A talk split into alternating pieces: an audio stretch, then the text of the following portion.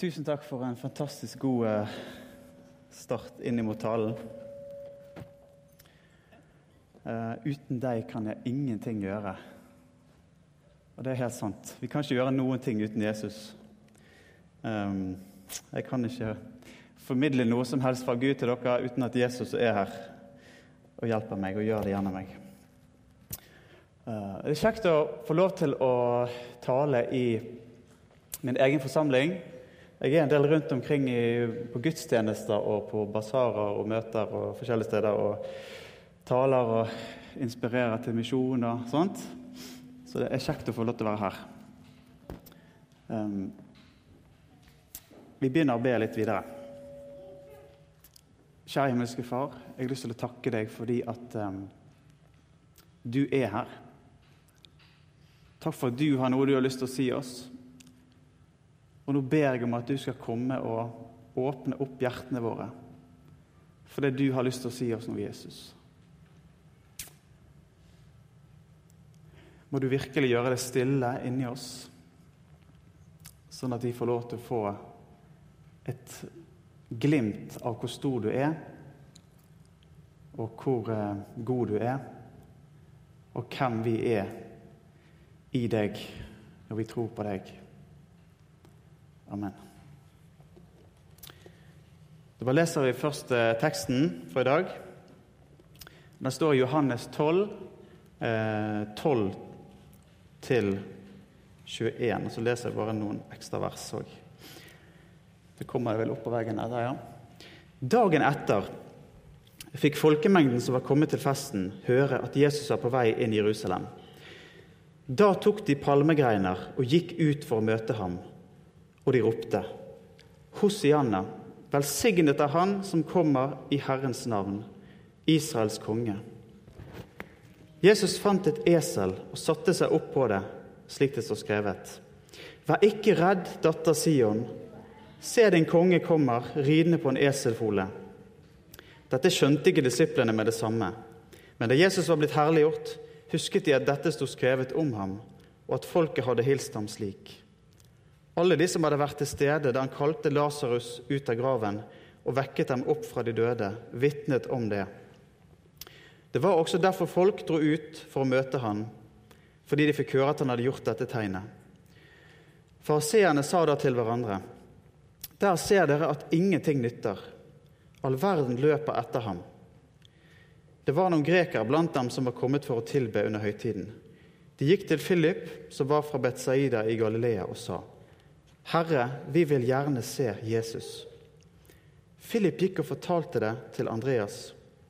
Og sammen gikk de og sa det til Jesus. Jesus svarte, 'Timen er kommet, der menneskesønnen skal bli herliggjort.' Sannelig, sannelig, jeg sier dere, hvis ikke hvetekornet faller i jorden og dør, blir det bare det ene kornet. Men hvis det dør, bærer det rik frukt. Og så litt videre. Den som elsker sitt liv, skal miste det. Men den som hater sitt liv i denne verden, skal berge det og få evig liv. Den som vil tjene meg, må følge meg. Og der jeg er, skal også min tjener være. Jesus er Herre. Jesus er Messias. Det er på mange måter den første kristne trosbekjennelsen. Jeg vet ikke hva du tenker når du hører det ordet 'Jesus er Herre' og 'Jesus er Messias'. Men det kan bare få deg til å ligge litt i bakhodet. Og så skal vi komme litt mer inn på det etter hvert. Men Teksten i dag begynner med at det er en stor folkemengde som er kommet til festen i Jerusalem, dvs. Si påskefesten. Det er kilder som antyder at det kan ha vært oppimot 1,5 millioner innbyggere, nei, pilegrimer i byen som til vanlig hadde rundt 100 000 innbyggere. Uansett så var det iallfall veldig trangt om plassen i gatene i Jerusalem. Men hvordan får en sånn stor folkemengde plutselig høre om at Jesus er på vei inn i Jerusalem? Uten Facebook, uten Snapchat, uten annonse i avisen eller reklame på TV eller noe sånt.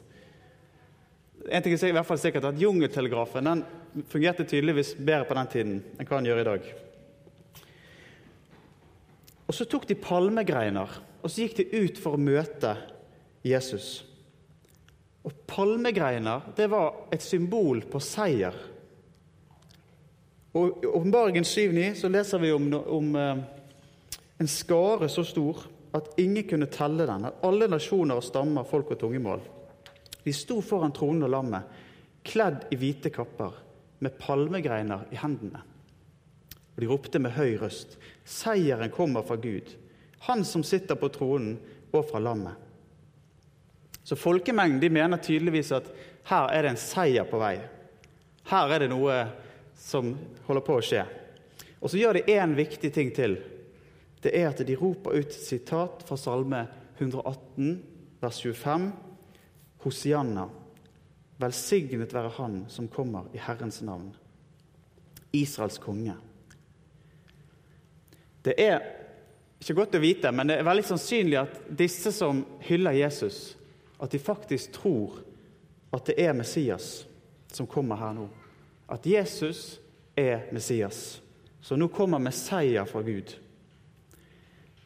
For det er nemlig en til denne søndagen Det er ikke sikkert det var en søndag, forresten. Men uh, denne dagen som siterer en Messias-profeti, og det er Jesus sjøl. Riktignok ikke med ord, men med handling. For når Jesus tar en eselfole og setter seg på den, og lar seg hylle mens han rir inn i Jerusalem, da er det en direkte oppfyllelse av et gammeltestamentlig Messias-profeti i Zakaria 9,9. Bryt ut i jubel, datter Sion. Rop av glede, datter Jerusalem. Se, din konge kommer til deg, rettferdig og rik på seier. Fattig er han og rir på et esel, på en eselfole.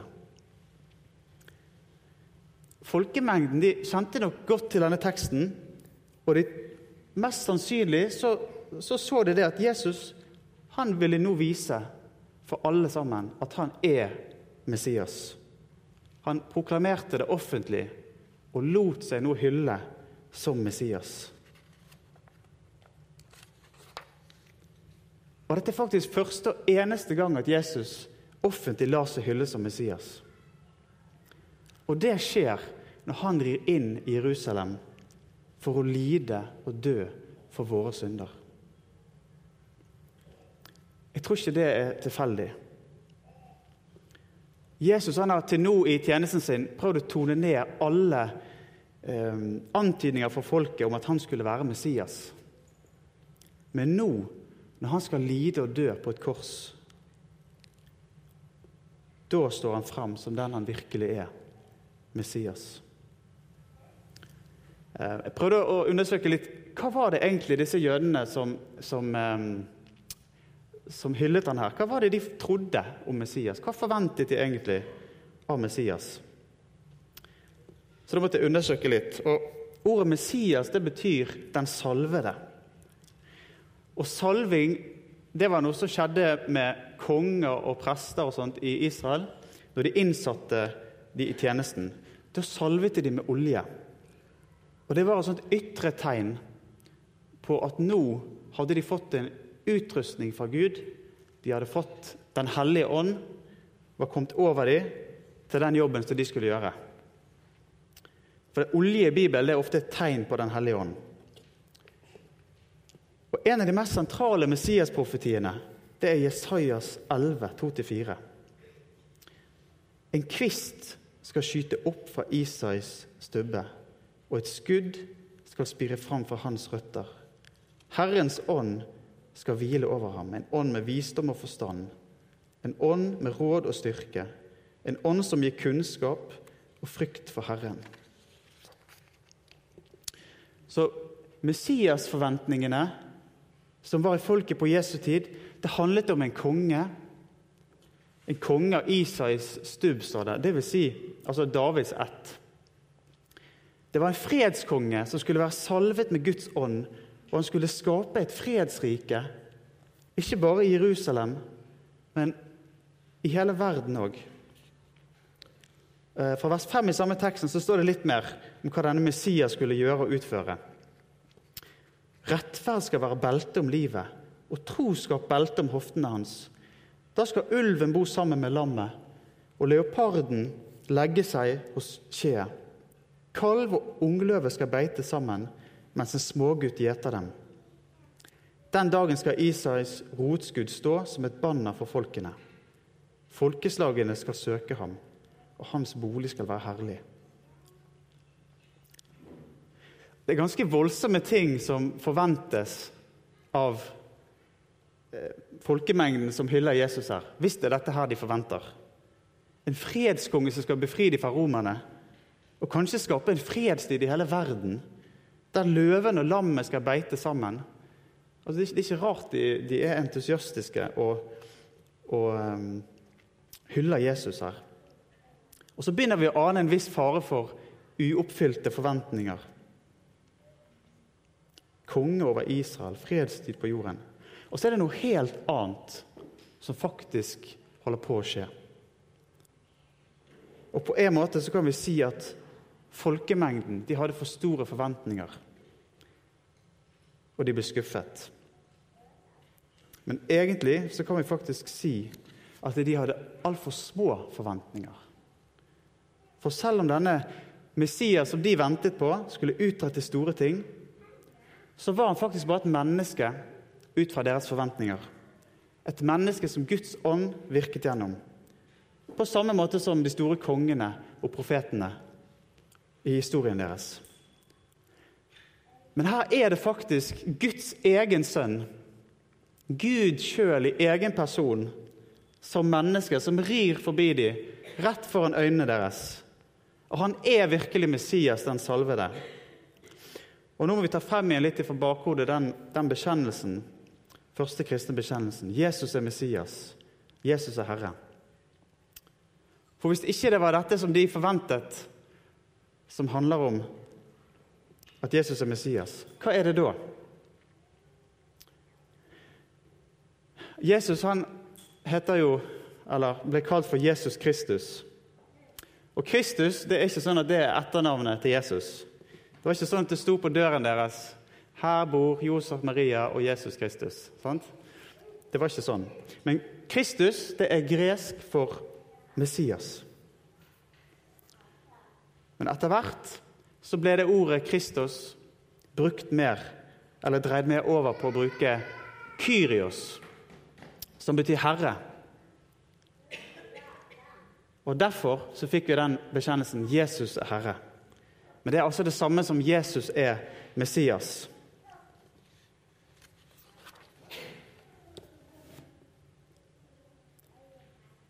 Og Da må vi innom en tilsynelatende uvesentlig opplysning i vers 20.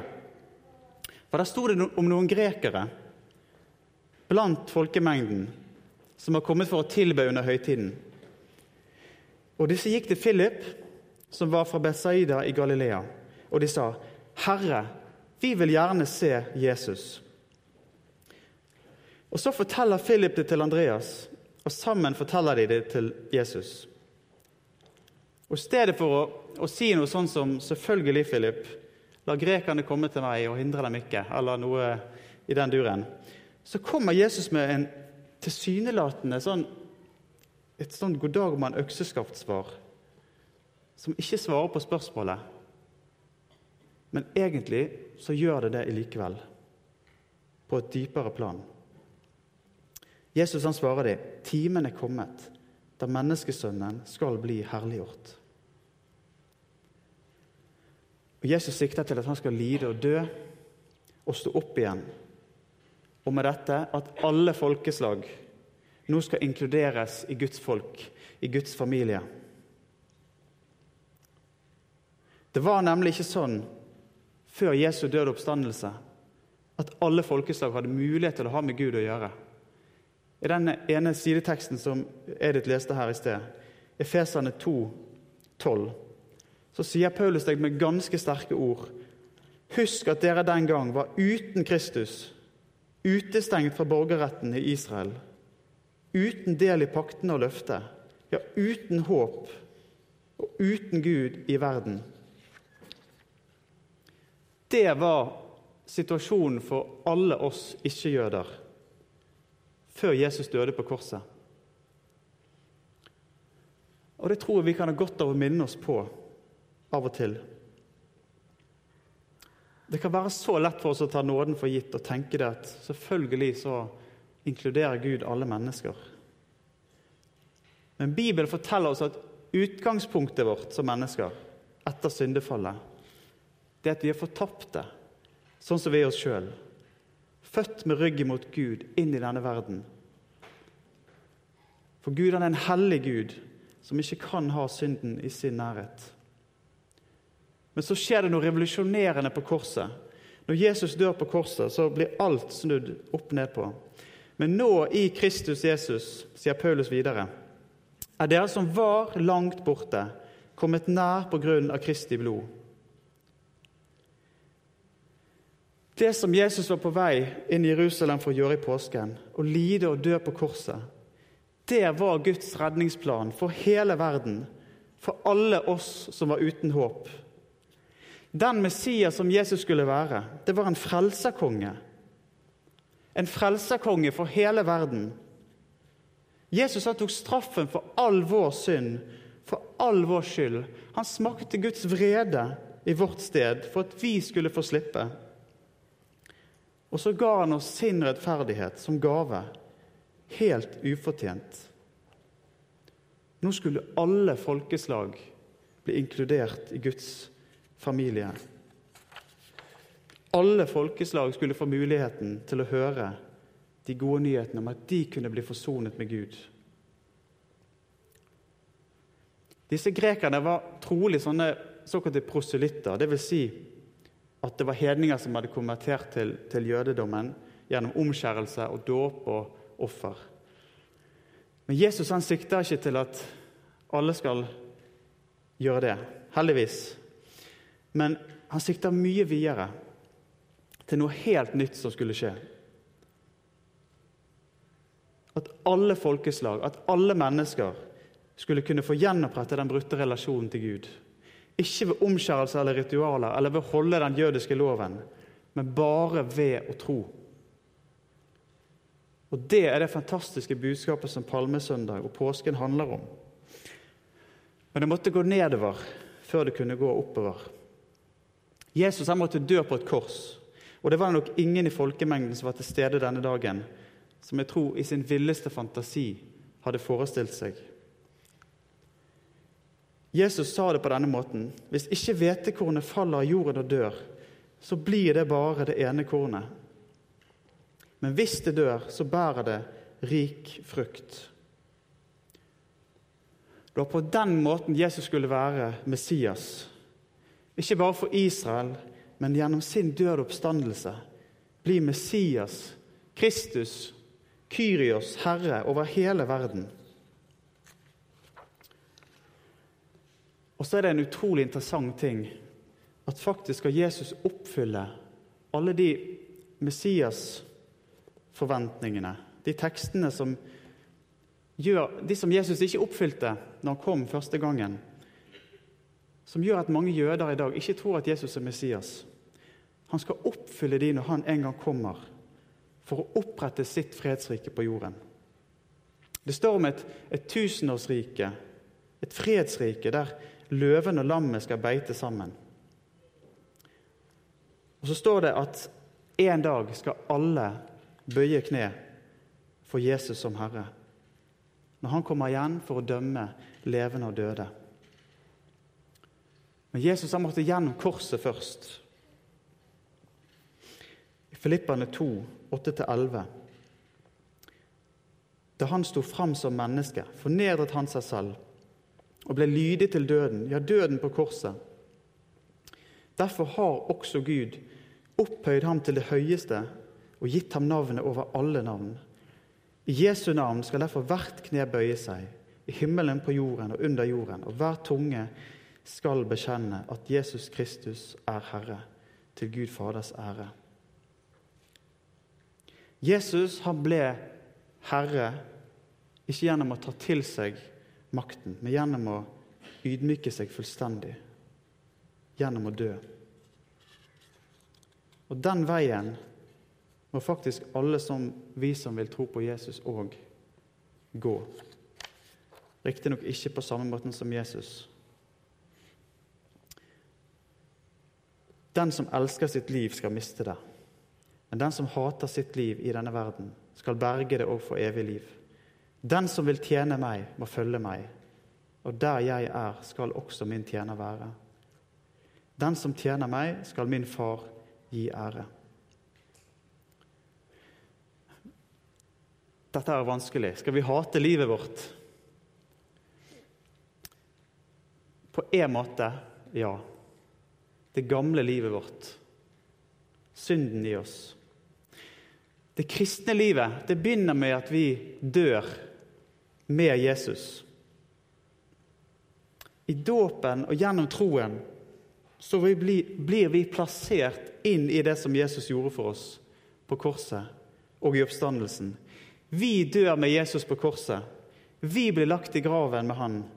Og vi blir reist opp til et helt nytt liv der vi er født på nytt, og der Jesus har skapt et nytt menneske i oss. Og i det nye livet, der er Han Herre. Det å ha Jesus som Herre, ser dere at det, er, det kommer i begynnelsen av det kristne livet. Det er ikke et slags sånt valgfritt alternativ for såkalte superkristne. Nei, Det kristne livet begynner med at vi dør med Han og står opp med Ham til et nytt liv under Jesu herredømme. Der Han vil være Herre og Messias over alle ting i våre liv. I vår hverdag, i våre prioriteringer, i vår familie, i vår økonomi. Alt vi har, det er utgangspunktet Guds. Vi er bare forvaltere. Jesus, han er Herre. Men han er ikke en streng og hard herre. Han ønsker ikke å ta fra oss gleden i livet. Nei, han er en herre som elsker oss, som vil oss det aller beste, både for oss sjøl og for andre. Og Dette er noe som vi skal få leve i hver dag. Hver dag følge Jesus. Hver dag dø fra vårt eget, vårt gamle menneske ikle oss det nye mennesket som Paulus snakker om, og leve i etterfølgelse av Jesus. Jesus han er Herre. Det var den første kristne trosbekjennelsen. Jesus er Messias. Han oppfylte ikke de umiddelbare Messias-forventningene som var i folket, selv om han lot seg hylle som det. Jesus han holdt stø kurs mot det som var oppdraget hans det var å lide og dø på et kors under Guds vrede for våre synder. Så hele verden skulle få mulighet til forsoning med Gud. Og gjennom sitt offer så skulle Jesus bli herre over himmel og jord. Og en dag så skal alle bøye kne for Jesus. Om de anerkjente han som herre i sin levetid eller ikke. Kjære far. Takk for at du sendte din eneste sønn i døden for oss i påsken for snart 2000 år siden. Takk for det du gjorde for oss, Jesus. Takk for at du gikk den veien som du gikk. Takk for at ikke du tok den lettvinte veien og bare ble konge uten korset. Takk for at du gikk hele veien for oss sånn at vi alle som var uten håp, skulle få lov til å bli forsonet med Gud. Skulle få lov til å bli en del av Guds familie. Må du la det gå enda mer opp for oss denne påsken. Storheten i det som du har gjort.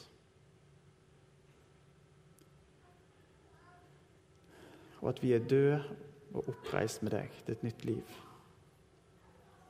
Amen.